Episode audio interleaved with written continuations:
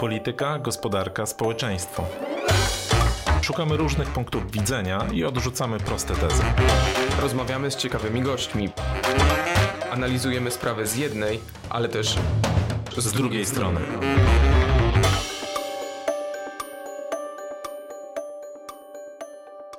Tomasz Żółciak. Grzegorz Osiecki, a dzisiaj naszym gościem jest e, pan Krzysztof Izdebski, prawnik, aktywista, ekspert Fundacji imienia Stefana Batorego i Open Spending U Coalition.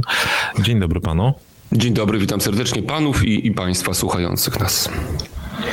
Na początek sprawa, którą e, żyjemy już kolejny tydzień i e, co prawda ona weszła w nowy rozdział, ale e, nic nie wskazuje na to, by ona miała się ku końcowi, czyli sprawa mandatów panów Wąsika i Kamińskiego. Nie będziemy rozmawiać o polityce w tej kwestii wyjątkowo. Bardziej nas interesuje w tym momencie kwestia systemowa, to znaczy patrząc na, na przebieg tej historii, czy możemy powiedzieć, co ona nam mówi o państwie, o stanie państwa, instytucji, egzekwowaniu prawa, praworządności? E, Jakie wnioski z tego wszystkiego płyną, z tego całego galimatiasu? No, myślę, że to, co ona nam mówi, taki jest chyba gdzieś odbiór społeczny. Mówię o tej części, którą ta sprawa interesuje, ponieważ też e, z wielu badań wynika, że, że jest to gdzieś kwestia, która grzeje głównie e, jakieś bańki, e, ale, ale niedługo rzeczywiście to też moim zdaniem zejdzie na dół, dlatego że to jest taka kwestia, która pokazuje, że nic nie jest pewne i mówię to z perspektywy osoby, która gdzieś tam to by obserwowała zupełnie z boku. Tak, ja oczywiście mam jakieś zdanie wyrobione na ten temat i obserwuję to może e, z większą uwagą. Natomiast dla takiego przeciętnego obserwatora e, no, wygląda na to, że mamy jakiś dualizm sądowy, tak? Czy mamy e, też do czynienia z kwestią, gdzie niektórzy wyroków nie, nie, nie szanują i to mówiąc niektórzy mam na myśli tak naprawdę gdzieś obydwie strony e, tego sporu, jeżeli w ogóle o dwóch stronach mogę mówić, Mm, ale no, wynika z tego, że jakieś wyroki za, za, za przestępstwa niektórzy uważają, że są nieprawidłowe i w związku z tym w ogóle one nie powinny e, zapaść, a jeżeli już zapadły, no to prezydent tutaj miał pełne prawo do tego, żeby już w 2015 roku em, ułaskawić. Inni wreszcie mówią, że jest to rzecz niemożliwa, trzeba było czekać na prawomocne e, orzeczenie. Potwierdził to w czerwcu też zresztą jedna z izb, może tak, potwierdziła to jedna z izb Sądu Najwyższego. Jest dodatkowo spór pomiędzy różnymi izbami Sądu Najwyższego, e, czy te mandaty wygasły, czy też nie. No więc e, to, co widać z tej sytuacji, to jest to, że mamy do czynienia e, z pewnym chaosem prawnym i czymś, co można by było też określić jakimś ułomnym transferem władzy. I tu nie mam na myśli takiej sytuacji, że rząd po wygranych wyborach powinien mieć wpływ na sądy, bo uważam, że generalnie władze, mówiąc władze, mam na myśli parlament, czy właśnie rząd, nie powinni mieć nadmiernego wpływu na wymiar sprawiedliwości, a ściślej rzecz biorąc na tą część e, orzeczniczą na pewno. E, Natomiast e, no, jest takie wrażenie, że łącznie właśnie z tą całą sytuacją dotyczącą, czy wygasły im te mandaty, czy oni wejdą, czy nie wejdą, e, że e, nie ma tutaj e, też takich skutecznych instrumentów, rząd nie ma takich skutecznych instrumentów, by te kwestie też egzekwować, co zresztą widać również w przypadku tych innych kwestii, nie wiem, media publiczne, prawda, prokuratura i tak dalej.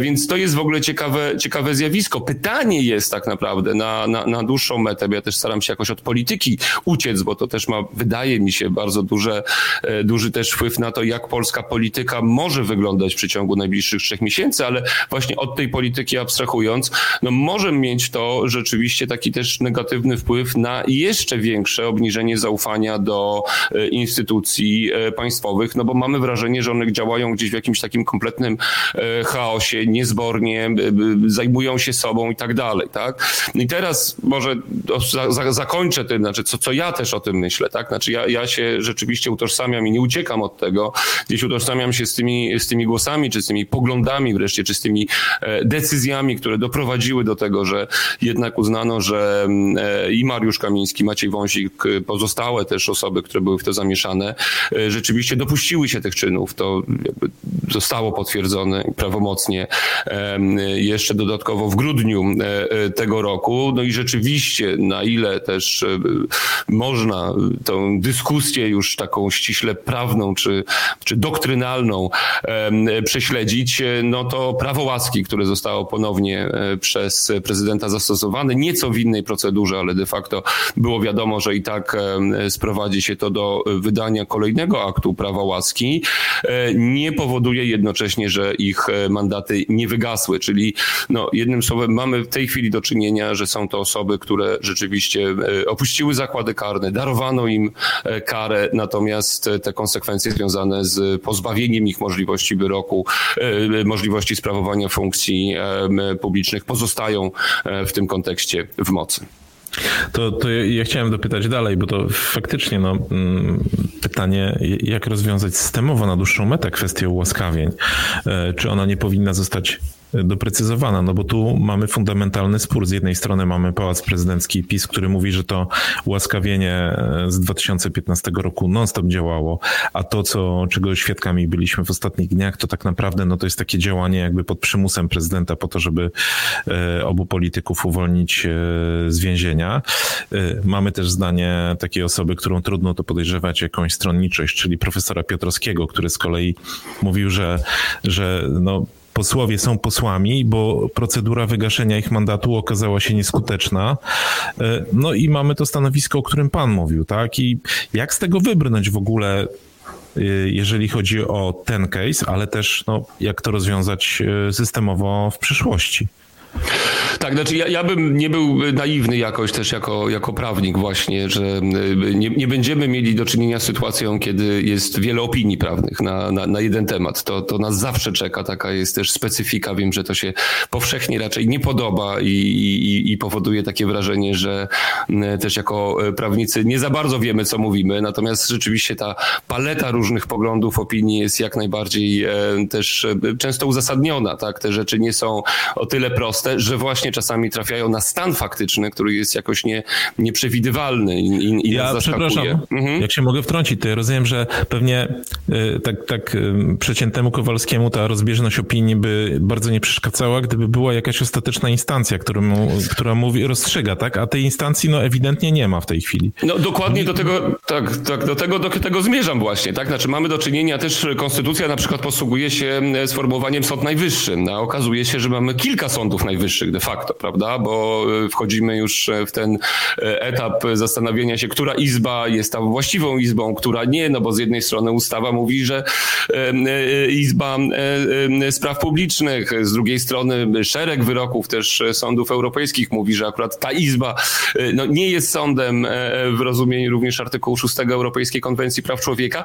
No więc mamy rzeczywiście do czynienia z takim galimatiasem, którym pan redaktor ma oczywiście rację. No, no wydaje się, że po prostu mamy do czynienia z jakimś e, totalnym chaosem i trochę takim kolokwialnie mówiąc, no nieogarnięciem się przez ten system, tak? No bo rzeczywiście na końcu powinna być jakaś jasna, e, jasna instancja. Nawet jeżeli mieliśmy do czynienia z pewną taką reformą, którą, czy, czy, czy elementem reformy, którą e, Zbigniew Ziobro wprowadził, która budziła może jakieś kontrowersje, ale koniec końców nie, nie, nie za bardzo, mówię to o skardze nadzwyczajnej, tak? To był jakiś taki wyjątkowy sposób na wzruszenie też prawomocnych wyroków no ale to była też ściśle określona jakaś ścieżka. Było wiadomo, kto decyduje, potem oczywiście to się komplikuje, która, czy, czy, czy izba, która te skargi e, rozpatrywała, e, mogła to robić, czy nie. Natomiast no, są jakieś ekstraordynaryjne po prostu e, środki czasami, które wzruszają wyroki sądów. Tutaj w tym przypadku rzeczywiście jest, jest w dalszym ciągu ten chaos związany w dużej mierze, tak naprawdę jeszcze, żeby to bardziej skomplikować, z tym, co stało się z Krajową Radą Sądownictwa. Tak? W 2017, czy pod koniec 2017 roku i w 2018, wtedy, kiedy te zmiany zostały e, wdrożone, czyli problem neosędziów, tak?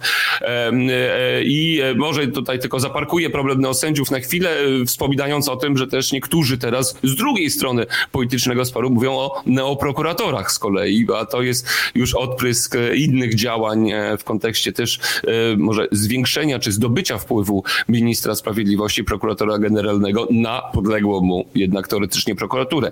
Ale, no bo pan redaktor pytał o te ułaskawienia, tak? Czy coś, czy coś zmienić? Znaczy, generalnie pomysł na to i, i, i, e, też e, jakby realizacja tego pomysłu, ona będzie zawsze budziła kontrowersje, tak? To jest jakiś środek ekstraordynaryjny, wyjątkowy, on gdzieś wiąże się zresztą, jak niektórzy często przypominają, z takim trochę gdzieś e, cieniem monarchii, tak? Że prezydent ma rzeczywiście te prerogatywy i może dowolnie, dowolnie zdecydować. Ale to, co jest istotne też w kwestii ułaskawienia i gdzieś nam to umyka, to jest rzeczywiście ułaskawienie w kontekście kary, a nie w kontekście winy.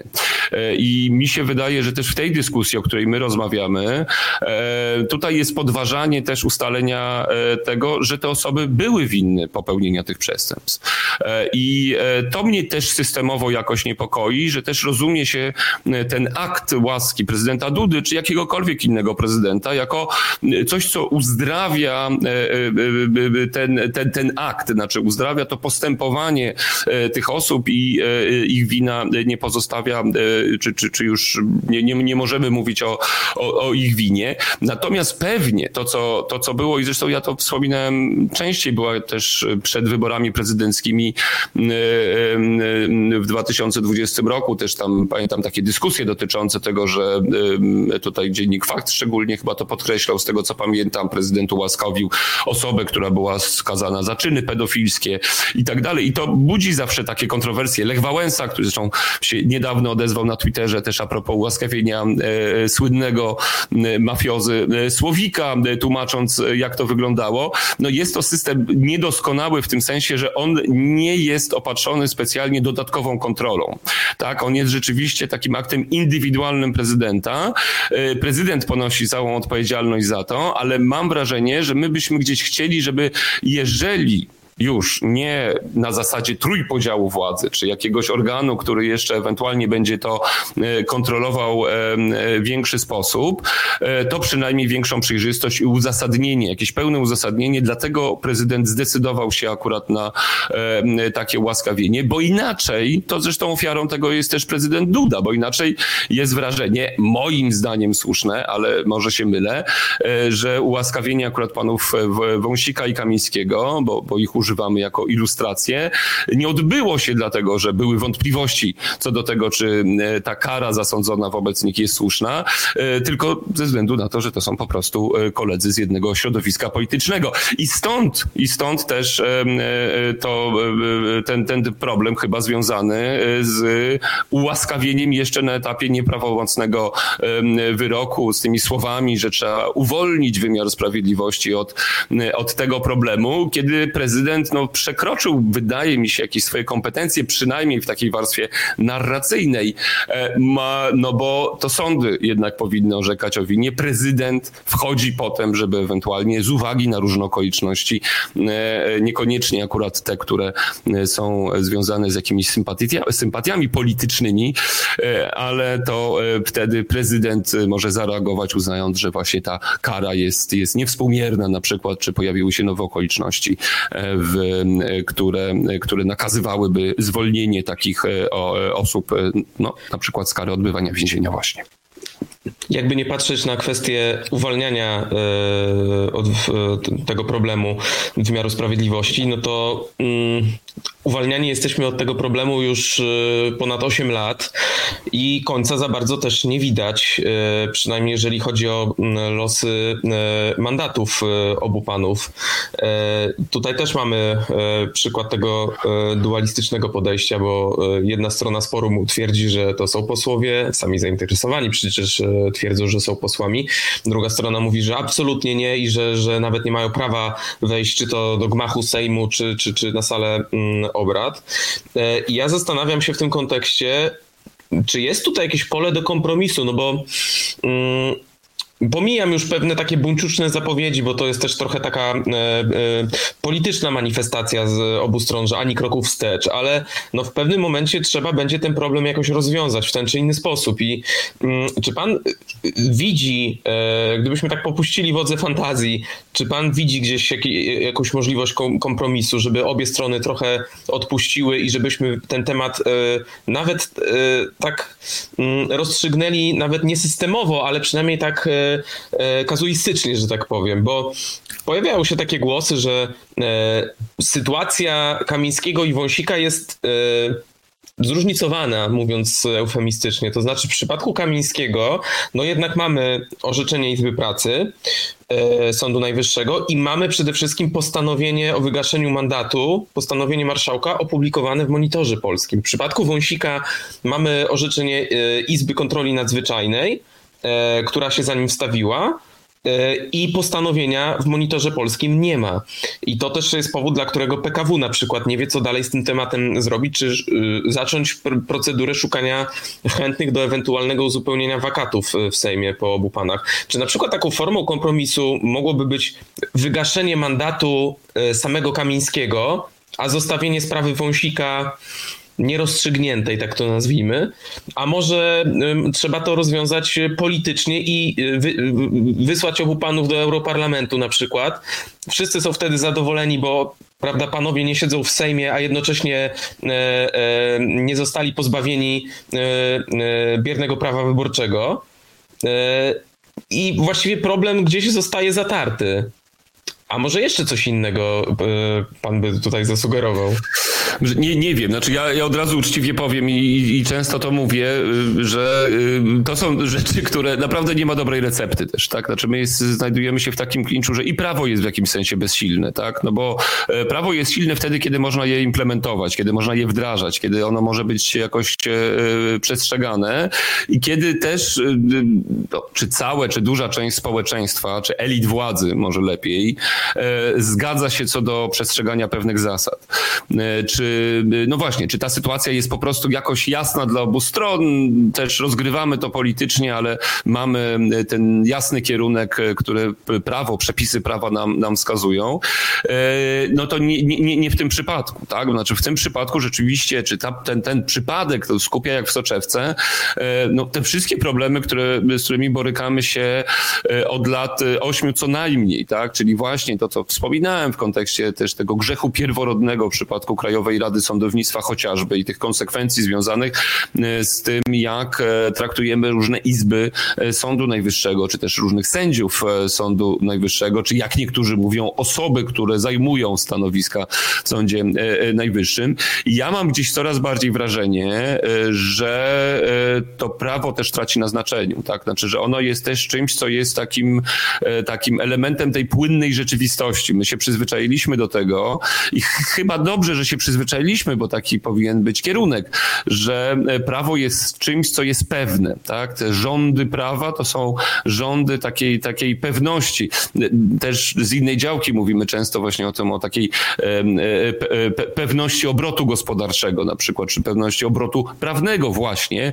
Natomiast e, tutaj gdzieś ten instrument, gdzieś te instrumenty, narzędzia prawne stały się po prostu elementem takiego dyskursu politycznego. Tak? I teraz, e, odpowiadając właśnie na pytanie, wydaje mi się, że w konsekwencji jedynym rozwiązaniem, które byłoby dopuszczalne dla każdej ze stron, tak? bo ja mniej więcej ja, ja wiem, jakby ja, ja, ja podzielam, tak, jak stwierdziłem, jakiś pogląd tak, w, tej, w tej sprawie, pogląd prawny.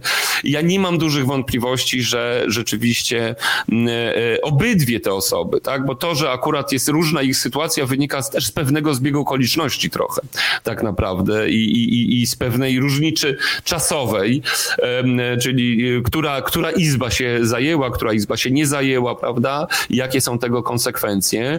Natomiast ja nie widzę tutaj i w ogóle w kontekście szerszym e, tego, co dzieje się w Polsce, e, innej możliwości niż doprowadzenia do rozwiązania tej i podobnych sytuacji na gruncie jakiejś zgody politycznej. I wiem, że to jest jeszcze bardziej naiwne niż oczekiwanie to, że E, prawo będzie prawem wreszcie, bo e, nie wygląda też na horyzoncie, żeby ta zgoda polityczna była. Jeżeli miałbym coś doradzać, nie jest to moją rolą, ale trochę tutaj pan redaktor mnie, mnie wywołał, e, no to rzeczywiście chyba ta, ten, ten pomysł z wrzuceniem panów do, do parlamentu europejskiego nie, nie byłby tym pomysłem rzeczywiście najgorszym. Istnieliby cały czas w sferze publicznej, a też wydaje się, że Prawo i Sprawiedliwość, jak obserwujemy jakieś takie pierwsze, dopiero przebłyski opinii publicznej na ten temat, e, trochę idzie, idąc na takie zwarcie, nie zyskuje wcale popularności, wręcz przeciwnie, jest trochę taki delikatny przynajmniej na razie odpływ elektoratu, no więc to też będzie decyzja polityczna. Czy, no właśnie, robić jakieś takie akcje wprowadzania posłów, różne scenariusze były przedstawiane, tak, że będą otoczeni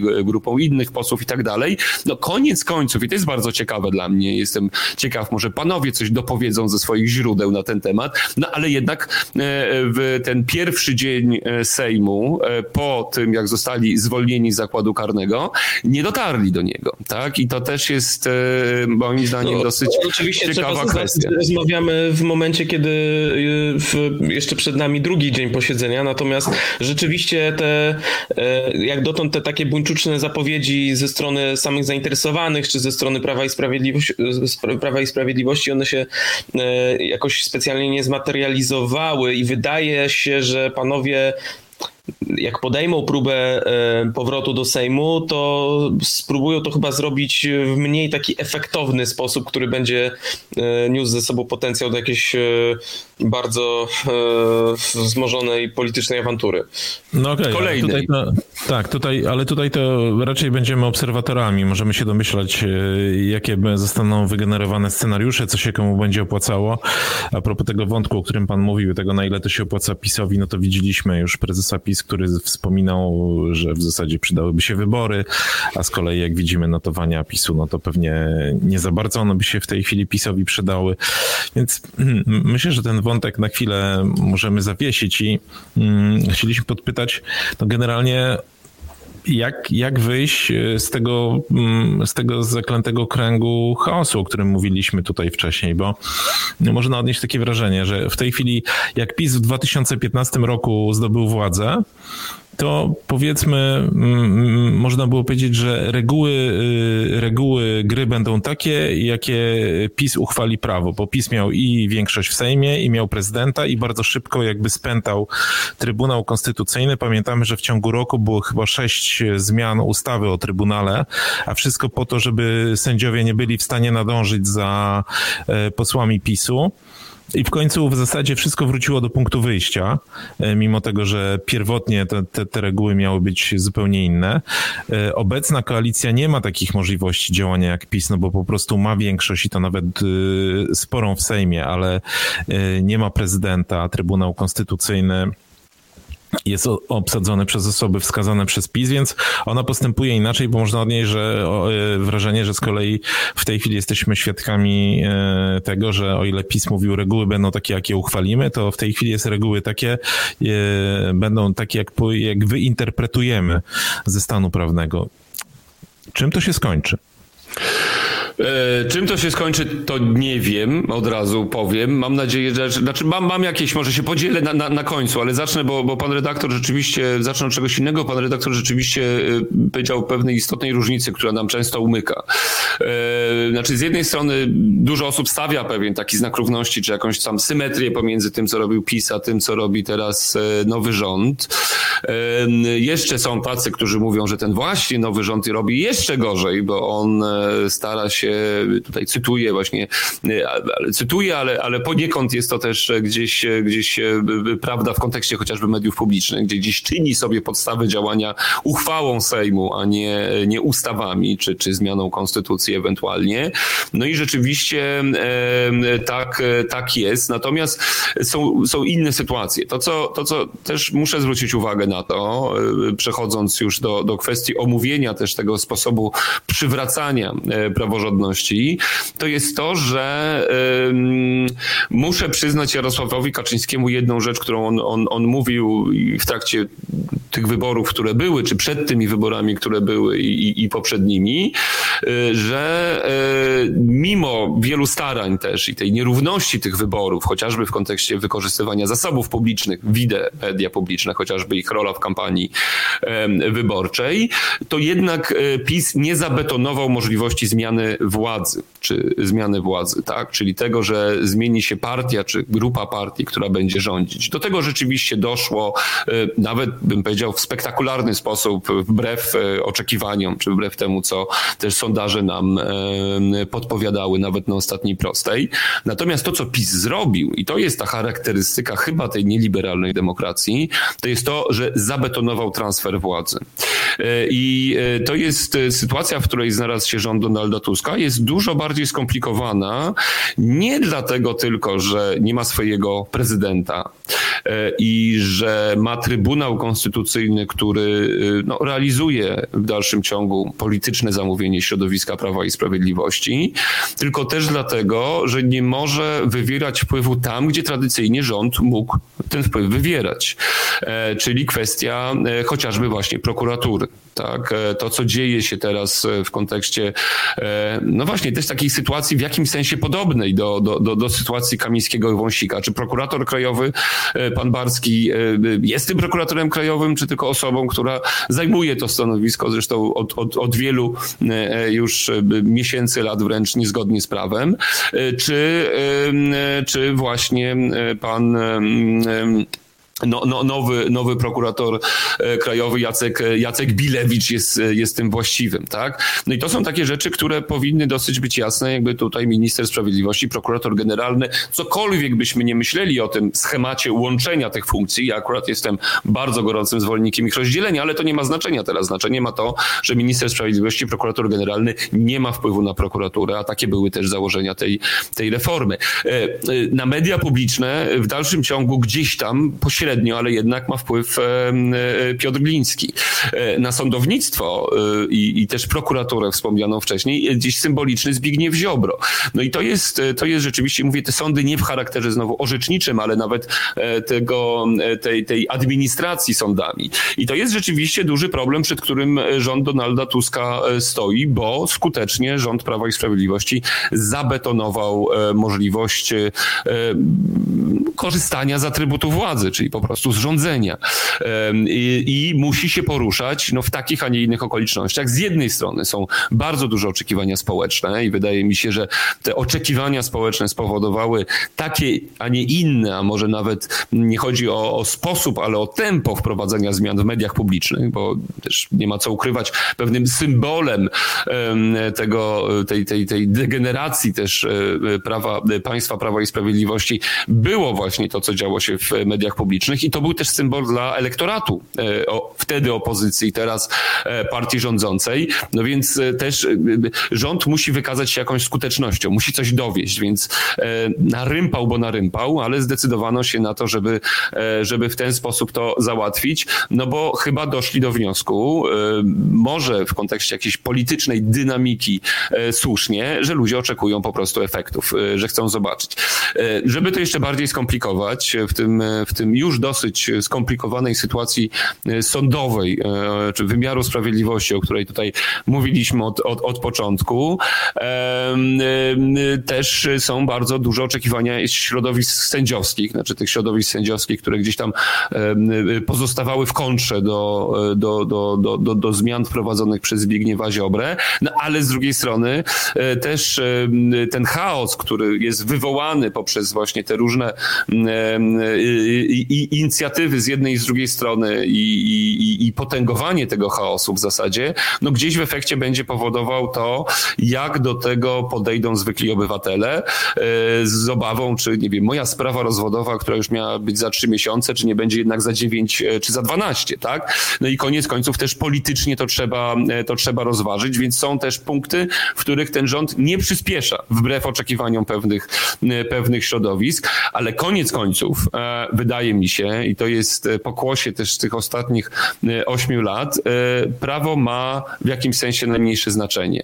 Bo to, już przepraszam, skończę, bo, bo, bo się rozgaduję, bo te, ale temat jest rzeczywiście wielowątkowy i trudno, trudno sobie to, to wydzielić jakoś, że też rację ma oczywiście pan, pan redaktor mówiąc właśnie, że był ten trybunał, prezydent, jakby to kończyło się rzeczywiście zmianami ustawowymi, ale też fakt, że pewne te działania były na pozór zgodne z prawem, czy one no może nie na pozór, ale były zgodne z prawem w sensie proceduralnym, no niekoniecznie były zgodne z konstytucją, bo PiS z kolei miał taką taktykę, żeby nie mając większości konstytucyjnej, de facto tą konstytucję zmieniać. E, więc to nie jest właśnie tak, że ten nowy rząd przychodzi teraz na, e, przychodzi jakby na taką sytuację trochę jak rząd e, Prawa i Sprawiedliwości w 2015 roku, gdzie istnieje jakiś niezależny trybunał, Sąd Najwyższy, z którymi oczywiście jak to z sądami, niektórzy się zgadzają, niektórzy nie, ale wiemy, że on jest, tak? Znaczy, że, że to jest jasna sytuacja, e, ale jednak e, przez te 8 lat no, został wprowadzony jednak ten system chaosu. On się nie wziął znikąd 15 e, października czy 13 grudnia. No to jest pokłosie tego, co działo się przez ostatnie kilka lat. Jak to zrobić? Jak zrobić tak, żeby wszyscy byli zadowoleni? Ja nie wiem. Ja nie mam takich ostrych może pomysłów, jak, jak przywołany tutaj też wcześniej profesor profesor Piotrowski, którego zdanie bardzo szanuję, ale też ono de facto nie, nie, nie daje nam wiedzy o tym, co zrobić, żeby faktycznie e, do zmian doszło i żeby tą atmosferę tego chaosu e, nieco wystudzić. Znaczy, znaczy pewnie... ja, rozumiem, że, ja rozumiem, że tutaj mamy sytuację, w której mm, w której mieliśmy władzę, która twórczo interpretowała chociażby konstytucję, czego przykładem jest to, co stało się z KRS-em.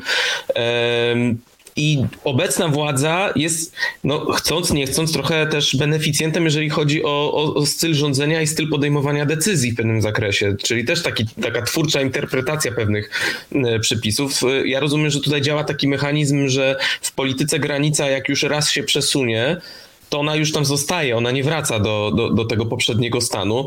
E, I, I to jest niebezpieczne w tej całej sytuacji, że każda kolejna władza może się powoływać na poprzedników, że zobaczcie, oni tak robili, no to my też możemy.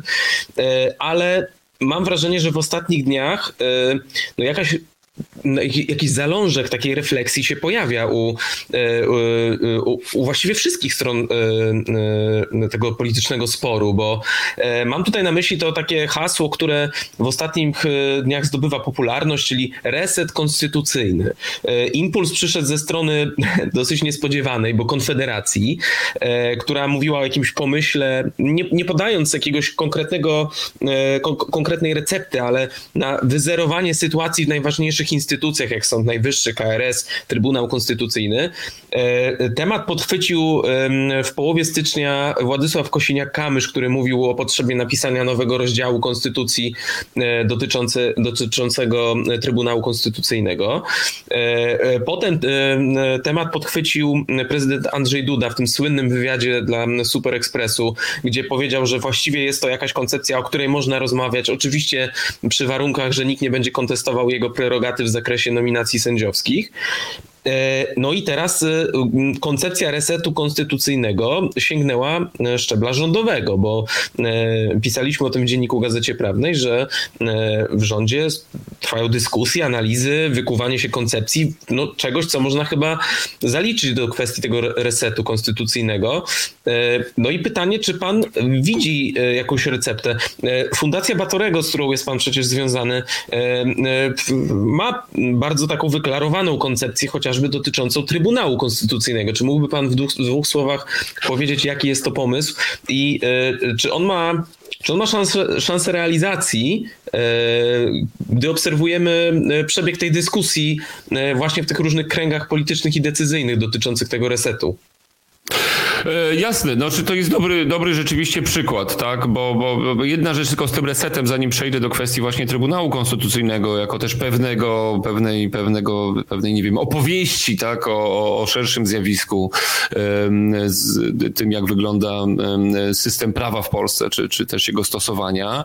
E, to, to jedno jakby, nie wiem, czy zastrzeżenie, ale pewne, nie wiem, komentarz, no tak to nazwijmy, właśnie w stosunku do tych pomysłów na reset konstytucyjny, to też nie jest do końca pierwszy raz, kiedy oczywiście coś takiego się pojawia, bo też takie komentarze już były i takie pomysły były też płynące trochę ze, ze strony Pałacu Prezydenckiego, ale też e, środowisk takich e, wiem, związanych chociażby z Klubem Jagiellońskim, z tego co pamiętam wtedy, w tym 2015-2016 roku, że do takiego e, resetu konstytucyjnego, czy może kompromisu konstytucyjnego powinno, powinno dojść. Ja cieszę się w jakimś sensie, że, że mamy taką dyskusję, no bo to jest jakby też wynika dla mnie, ja to odbieram, może znowu zbyt naiwnie, optymistycznie, jako pewien przynajmniej deklarację dobrej woli, jakiejś współpracy i próby wyjścia z tego kryzysu. Natomiast nie mam, szczerze mówiąc, przekonania, obserwując to, co dzieje się w ciągu ostatnich miesięcy, dni, że ta dobra wola przekuje się w czyny. Znaczy w tym sensie, że rzeczywiście ten reset konstytucyjny, no też właśnie nie wiedząc do końca, na czym miałby polegać, ale że on rzeczywiście będzie zaakceptowany ze wszystkich e, stron, bo jakoś mam wrażenie, e, że i tu może z kolei jestem zbyt pesymistyczny, jakoś mam wrażenie, że każdy też trochę efekty tego resetu konstytucyjnego widziałby inaczej. E, że to, co dominuje polską polityką, to, co dominuje polską debatą publiczną, to jest po prostu spór. To jest konflikt, to jest polaryzacja, to się politycznie po prostu dogadywanie teraz, po tych słowach, no przecież, które z jednej strony padały, no, szczególnie może też Jarosław Kaczyński taki bardzo ekspresyjny ma styl mówienia, no ja sobie nie wyobrażam też jakiegoś usiąścia i porozmawiania o tym, jak zmienić konstytucję. Szkoda w jakimś sensie, tak, bo, bo ta nasza konstytucja też pokazała, ona, ona nigdy nie była doskonała oczywiście, natomiast też pokazała tym bardziej swoją niedoskonałość, pokazując w jaki sposób łatwo obejść po prostu jej przepisy, nie posiadając właśnie mocy zmiany konstytucji, tej większości pozwalającej na, na zmianę konstytucji. E, więc, więc ja nie wiem, czy tutaj będziemy mieli rzeczywiście, czy za tymi deklaracjami coś, coś pójdzie. Ale, ale e, rzeczywiście jest to jakieś, jakaś możliwość wyjścia z sytuacji, tak? I ten reset konstytucyjny, ja rozumiem, że on ma głównie tak naprawdę polegać nie, nie, nie tyle, co właśnie na takich dyskusjach o tym, jak dobrze zmienić konstytucję, e, żeby wyjść z tego chaosu, ale bardziej traktuje się to jako pewną wymówkę, czy pewien wytrych do tego, żeby móc e, wyzerować problemy. Czyli, że zmiana konstytucji, nieważne jak ona by była do końca, ale że zmiana konstytucji spowoduje to, że możemy na przykład wybrać na nowo wszystkich sędziów Trybunału Konstytucyjnego. Być może przy innej większości. Takie są pomysły, zresztą właśnie to jest też jeden z pomysłów akurat e, Fundacji, Fundacji Batorego, e, który nie wynika, nie, wy, nie wymaga też do końca zmiany, zmiany konstytucji jako takiej, ale też to było, było pokazywane gdzieś w sferze publicznej, że mogłoby być to też wpisane do konstytucji, czyli po prostu e, wybór e, inną większością sędziów Trybunału Konstytucyjnego, trzech piątych, czyli to by no, powodowało, że jakaś forma dogadania się różnych środowisk politycznych e, musiała, musiałaby się ziścić w tym, w tym, w tym kontekście. Więc podejrzewam, no właśnie znowuż, ponieważ tych pomysłów one nie były gdzieś tam specjalnie komentowane szeroko, ale to samo mogłoby się stać na przykład z Krajową Radą Sądownictwa, czy wreszcie Sądem e, Najwyższym. No, pewnie byłoby to najlepsze wyjście gdzieś, e, ale ja też nie do końca, po pierwsze, no właśnie, nie do końca wierzę, że e, ta, ta próba kompromisu tutaj wyjdzie. Po drugie, też nie wszystko można tym załatwić, tak? No bo sprawa chociażby w Sądzie Najwyższym jest tak zabagniona, no nie wyobrażam sobie teraz, żeby był dokonany reset bez na przykład właśnie połączenia tego z, z kwestiami Krajowej Rady Sądownictwa, czy z neosędziami w ogóle, żeby można było za pomocą zmiany konstytucji zmienić dużo w samym funkcjonowaniu Sądu, Sądu Najwyższego. I krótko przechodząc do, do tych projektów, które my mamy? My wyszliśmy z dwóch założeń. Znaczy, po pierwsze, że, że, że powinny być to zmiany, które są zgodne z konstytucją, więc to nie jest projekt jakoś bardzo daleko idący w tym sensie, e, bo też staraliśmy się być realistami, znaczy, że nie zakładając, że nie mamy tej większości konstytucyjnej, więc tutaj nie będzie, nie będzie przestrzeni, żeby konstytucję zmieniać, e, ale wyszliśmy z takich właśnie dwóch, dwóch założeń też kolejnych, merytorycznych. No po pierwsze, w jaki sposób przywracać tą praworządność w Trybunale Konstytucyjnym. Opowiadamy się zdecydowanie za tym, e, że w kontekście personalnym, że są osoby, które zajmują te, te, te miejsca sędziowskie już zajęte w 2015 roku w przypadku trzech e, sędziów prawidłowo wybranych, e, nie są sędziami Trybunału. To mamy tutaj dobre też potwierdzenie w takich sprawach e, europejskich, jak na przykład Xeroflor, gdzie rzeczywiście to, to zostało potwierdzone. I tutaj nie ma wątpliwości, zdecydowanie nie jesteśmy za pomysłami, jak też występują często w sferze publicznej, jakiegoś tam skażenia wszystkich sędziów Trybunału przez to i potrzeby wyrzucenia piętnastki. Mam bardzo różne zdania na temat e, obecnych sędziów Trybunału Konstytucyjnego, e, ale e, są oni oprócz tej trójki rzeczywiście wybrani legalnie i to właśnie to o tych konsekwencjach też warto powiedzieć. Gdybyśmy teraz zdecydowali się na to, że wyrzucamy, brzydko mówiąc, całą piętnastkę, to ja bym nie był zdziwiony, znaczy byłbym zaskoczony, gdyby nie stało się to w kolejnych wyborach, kiedy nowy rząd wyrzuca kolejną piętnastkę. Znaczy tak Trybunał Konstytucyjny po prostu nie może istnieć, to nie byłoby po prostu odpowiedzialne. Nie może być tak, że e, e, sędziowie Trybunału czują się za każdym razem zagrożeni e, przez, przez różne decyzje, decyzje polityczne. Jednocześnie, jednocześnie wiedząc o tym, że też Trybunał podejmował kilka takich orzeczeń, które miały wpływ pozytywny na, na prawa i obowiązki obywateli, zniósł też jakiś stan niekonstytucyjności, należy te jakby te, te wyroki, które zostały przy udziale dublerów, e, one jakby w dużym skrócie też nie wszystkie e, powinny zostać, e, zostać uznane za nieistniejące. Tak? To, to jest kwestia też w dużej mierze polityczna, które z tych politycznych wyroków, bo ewidentnie duża część tych wyroków miała miejsce, miała, były, były w ten sposób podejmowane, to E, powinny zostać, e, zostać zachowane. No i drugi może komponent, który jest istotny, my nie ograniczaliśmy się do tego, jak przywrócić praworządność, wychodząc z założenia, że Trybunał Konstytucyjny borykał się z różnymi problemami od wielu, wielu lat. E, one się może zintensyfikowały właśnie w ciągu tych lat ośmiu, ale widzimy potrzebę kompleksowej reformy w ogóle sądownictwa konstytucyjnego, poczynając od kwestii takich stricte, powiedział, administracyjnych, takich jak zmiana chociażby chociażby sposobu zarządzania Trybunałem.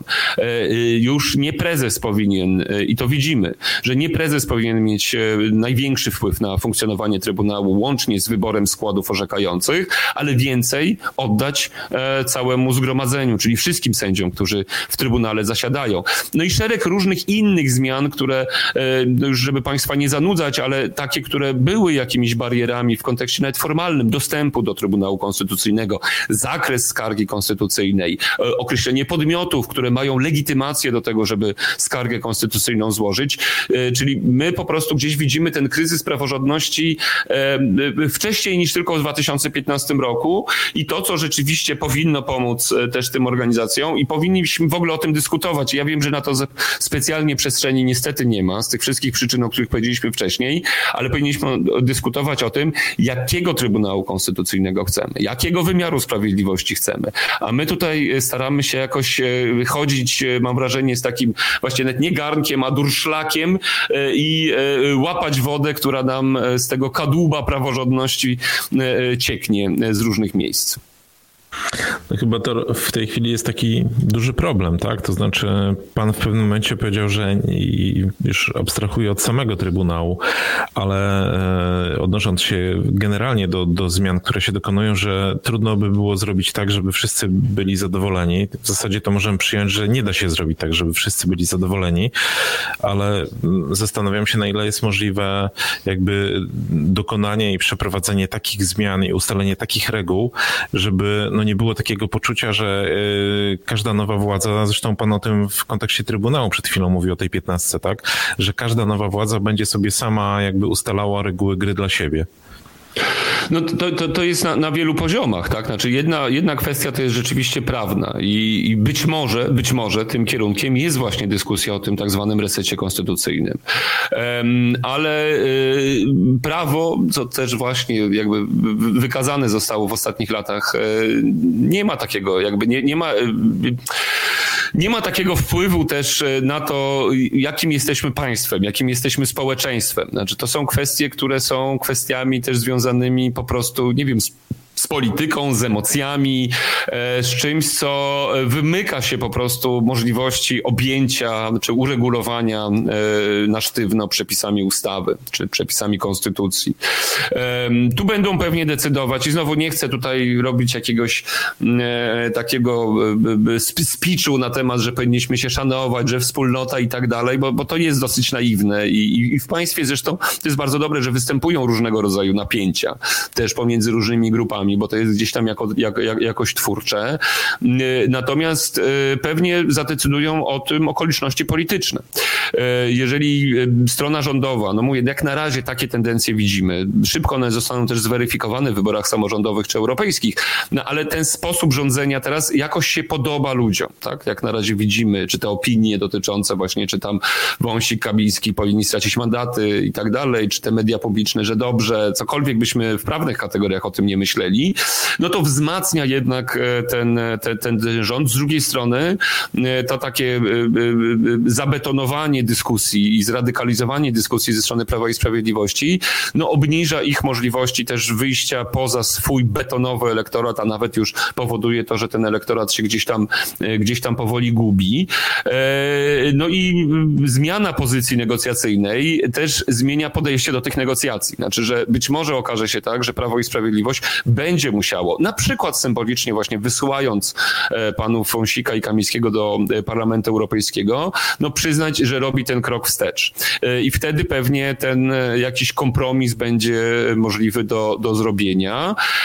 I też, no, znowu wymaga to pewnej racjonalności wszystkich stron, znaczy i pewnej zgody na to, żeby uniknąć tego zagrożenia, o którym rozmawiamy, pewnej zgody wszystkich sił politycznych na to, że koniec, jakby w gruncie rzeczy z wielu rzeczy musimy zrezygnować. Znaczy z takich rzeczy, że jeżeli będziemy kontynuować władzę po roku 2027, e, e, czy zdobędziemy władzę w 2027 ponownie, e, będziemy rzeczywiście przestrzegać tych zasad, które sobie teraz przez te kolejne miesiące wydyskutujemy. Nie będziemy robić tego, tego skoku na Trybunał, to, ale o tym zdecyduje naprawdę dynamika polityczna i rozkład sił. Jeżeli będziemy mieli do czynienia w dalszym ciągu z taką polaryzacją, bym powiedział 50-50, polaryzacją sporu politycznego, niekoniecznie nawet taką społeczną polaryzacją, bo ona, ona ma mniejsze znaczenie w tym sensie, że ona nie jest aż tak duża jak ta, ta, e, ta, ta elit politycznych, e, no to, to, to, to, to niewiele obawiam się z tego, z tego wyjdzie.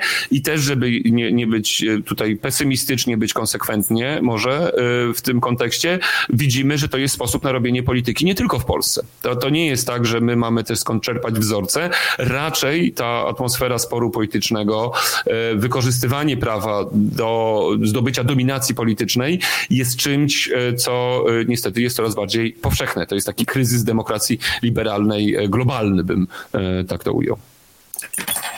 Niestety kończy nam się czas, a wszystkich wątków dotyczących stanu praworządności i tego, jak twórczo można interpretować prawo i e, co z tego wynika także dla nas, e, zwykłych obywateli, no nie jesteśmy w stanie wszystkiego omówić i ująć w ramach jednego odcinka podcastu, ale jak pa, Państwo słuchają nas regularnie, to zapewne Państwo zauważyli, że e, te tematy są u nas obecne, bo tym aktualnie żyjemy, więc myślę, że będziemy jeszcze do tematu wracać na różne sposoby.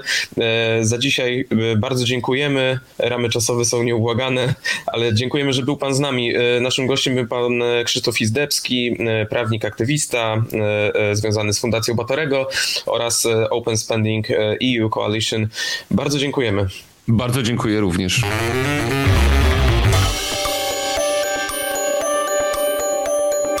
Witamy ponownie, a w drugiej części naszego podcastu porozmawiamy sobie o pierwszym budżecie nowego rządu, e, o różnych jego aspektach politycznych i ekonomicznych. Do niedawna e, budżet był taką strzelbą wiszącą na ścianie było pytanie, czy nie będzie wyborów e, z powodu tego, że koalicja się nie wyrobi. O tym rozmawialiśmy wielokrotnie, pisaliśmy też o tym, bo tu były wątpliwości, jak liczyć czteromiesięczny termin złożenia budżetu.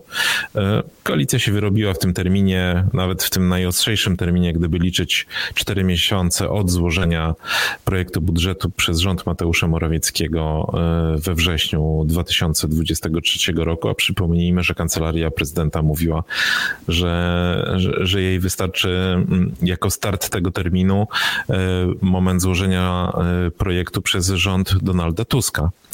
No ale czy Twoim zdaniem to już jakby wyjaśnia sprawę i budżet z wozu koniom lżej?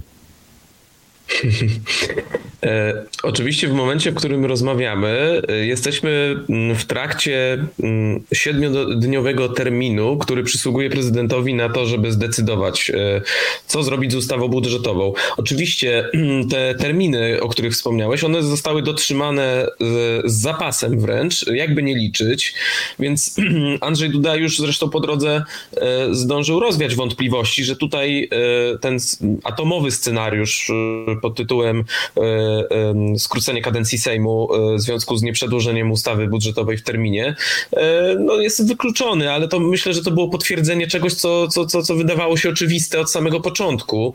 E, I to nie chodzi już tylko o technikalia i dotrzymywanie terminów, ale też o kwestie polityczne. No dzisiaj doprowadzenie przez prezydenta do wcześniejszych wyborów byłoby zabójcze dla Prawa i Sprawiedliwości i groziłoby tym, że ten dystans do obecnej koalicji rządzącej by, byłby jeszcze większy, więc myślę, że to, to był scenariusz e, e, abstrakcyjny dla obu stron politycznego e, sporu.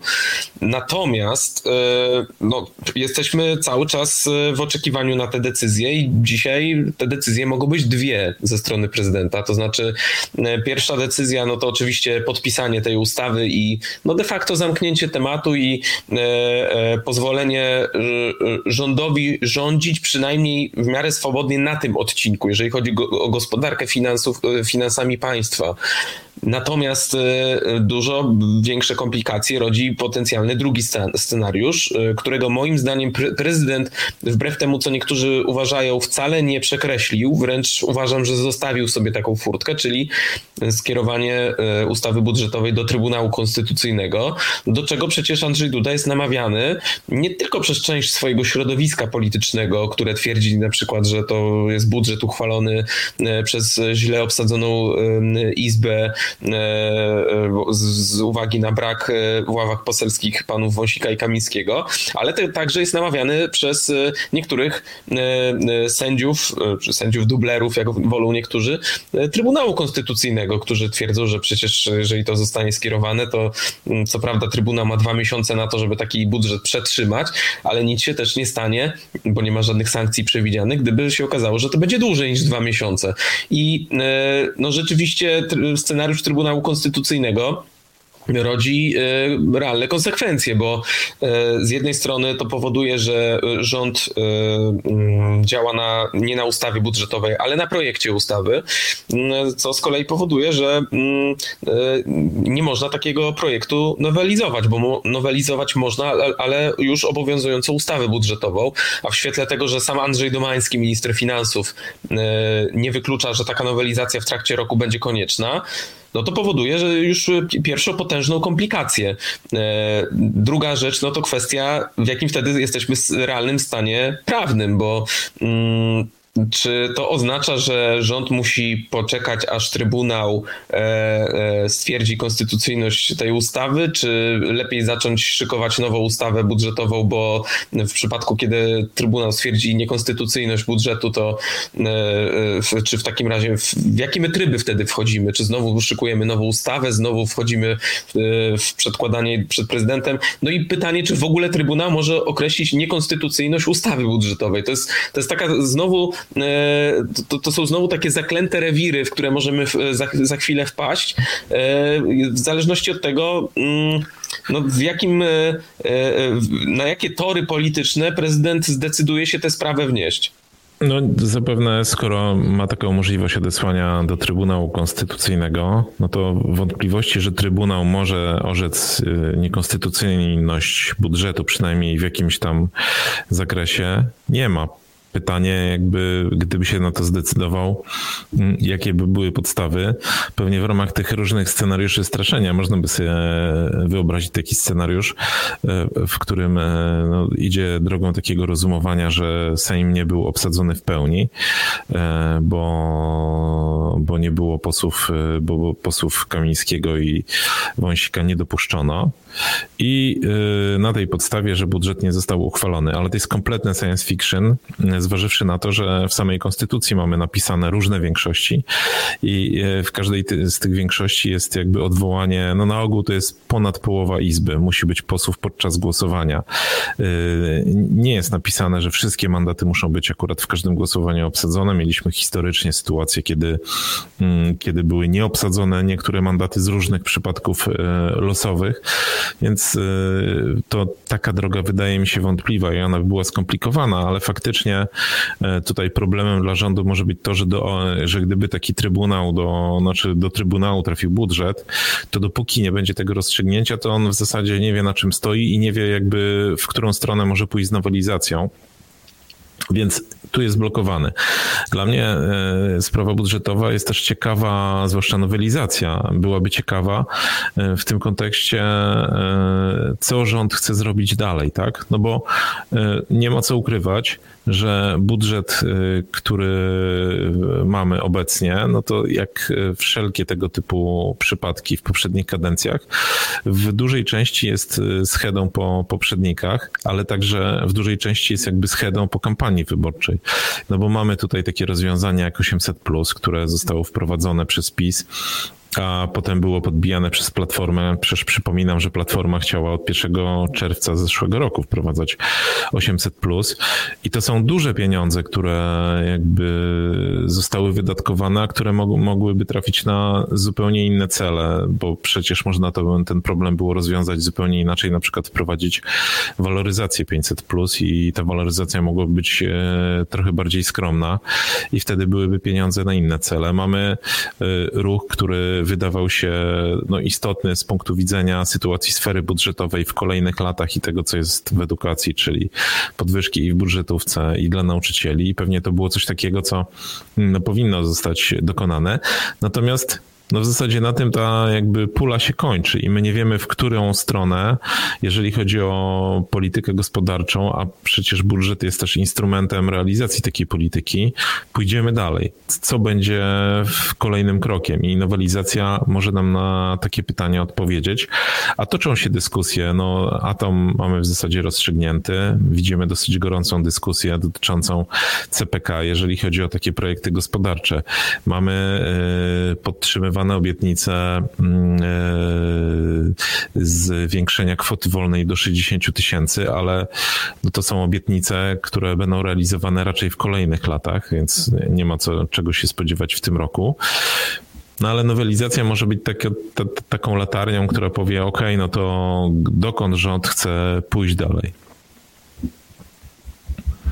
No jeżeli chodzi o tę nowelizację, to sam e, minister finansów Andrzej Domański niedawno e, wydaje mi się, że dość wyraźnie zasugerował, że, że ta nowelizacja budżetu jest możliwa e, w trakcie roku. Jak stwierdził, mm, musimy jeszcze dokonać przeglądu strony wydatkowej i przychodowej. Ja rozumiem, że e, tutaj takim niepewnym elementem są na przykład e, e, dochody z VAT, bo widzieliśmy, jak one się zachowywały w zeszłym roku. Regularnie opisywaliśmy to przecież Grzegorz na łamach Dziennika Gazety Prawnej. No, gabinet Mateusza Morawieckiego był oskarżany o to, że no, przeszarżował z tymi, z tymi dochodami, prognozując je w 2022 roku na rok 2023. No i o to samo samo już jest gdzie niegdzie oskarżany Andrzej Domański i generalnie gabinet Donalda Tuska, że trochę zbyt optymistycznie założono pewne, pewne kwestie dotyczące VAT. Te oskarżenia się nasiliły także w kontekście przesunięcia tej rewolucji do, dotyczącej tego systemu KSEF, czyli systemu e-faktur. To zostało odsunięte w czasie, stwierdzono, że, że, że wdrożenie tego teraz rodziłoby zbyt duże ryzyka, no ale to też wpłynie na e, uszczelnianie tej e, sławetnej luki VAT. Więc e, nowelizacja pewnie, pewnie będzie. No pytanie w jakim, w jakim zakresie i musimy się z tym na pewno liczyć. No pytanie oczywiście, jak się zmienią te podstawowe wskaźniki, czyli ta słynna dziura Morawieckiego, która przekształciła się w dziurę Tuska. No przypomnijmy, że, że dziura Morawieckiego zakładała deficyt w wysokości 164 miliardów mm, złotych, e, natomiast e, deficyt założony w tym aktualnym budżecie jest o 20 miliardów e, głębszy, więc jeżeli jeszcze dołożymy do tego inne takie sztywne pozycje, plus no, chęć realizacji kolejnych obietnic wyborczych, no oczywiście wielu z nich po prostu nie da się zrealizować w trakcie roku, no ale, ale jednak ta presja jest, no to może się okazać, że ta nowelizacja w trakcie roku będzie równie poważna i szeroko zakrojona, co ta, którą dokonał e, w zeszłym roku rząd e, Mateusza Morawieckiego. No pamiętamy, że ta nowelizacja była bardzo istotna i ona dość istotnie zmieniała pewne kluczowe wskaźniki. To ja na koniec tylko powiem, że generalnie mm, pamiętam, że jeszcze kilka kilkanaście lat temu, nowelizacja budżetu to było coś, czego wszyscy się wystrzegali, bo e, z punktu widzenia takiego spojrzenia zewnętrznego minister finansów bał się, że jeżeli zaproponuje nowelizację, to rynki odbiorą to jako e, potwierdzenie faktu, że czegoś w budżecie nie dowozi. E, natomiast no, w czasie drugiej kadencji rządu PiSu, zwłaszcza przez różne nadzwyczajne wypadki, ale także wcześniej, ta nowelizacja w zasadzie stała się takim narzędziem rutynowej korekty. Z różnych powodów, ale takiej rutynowej korekty budżetu w tym e, w ciągu roku.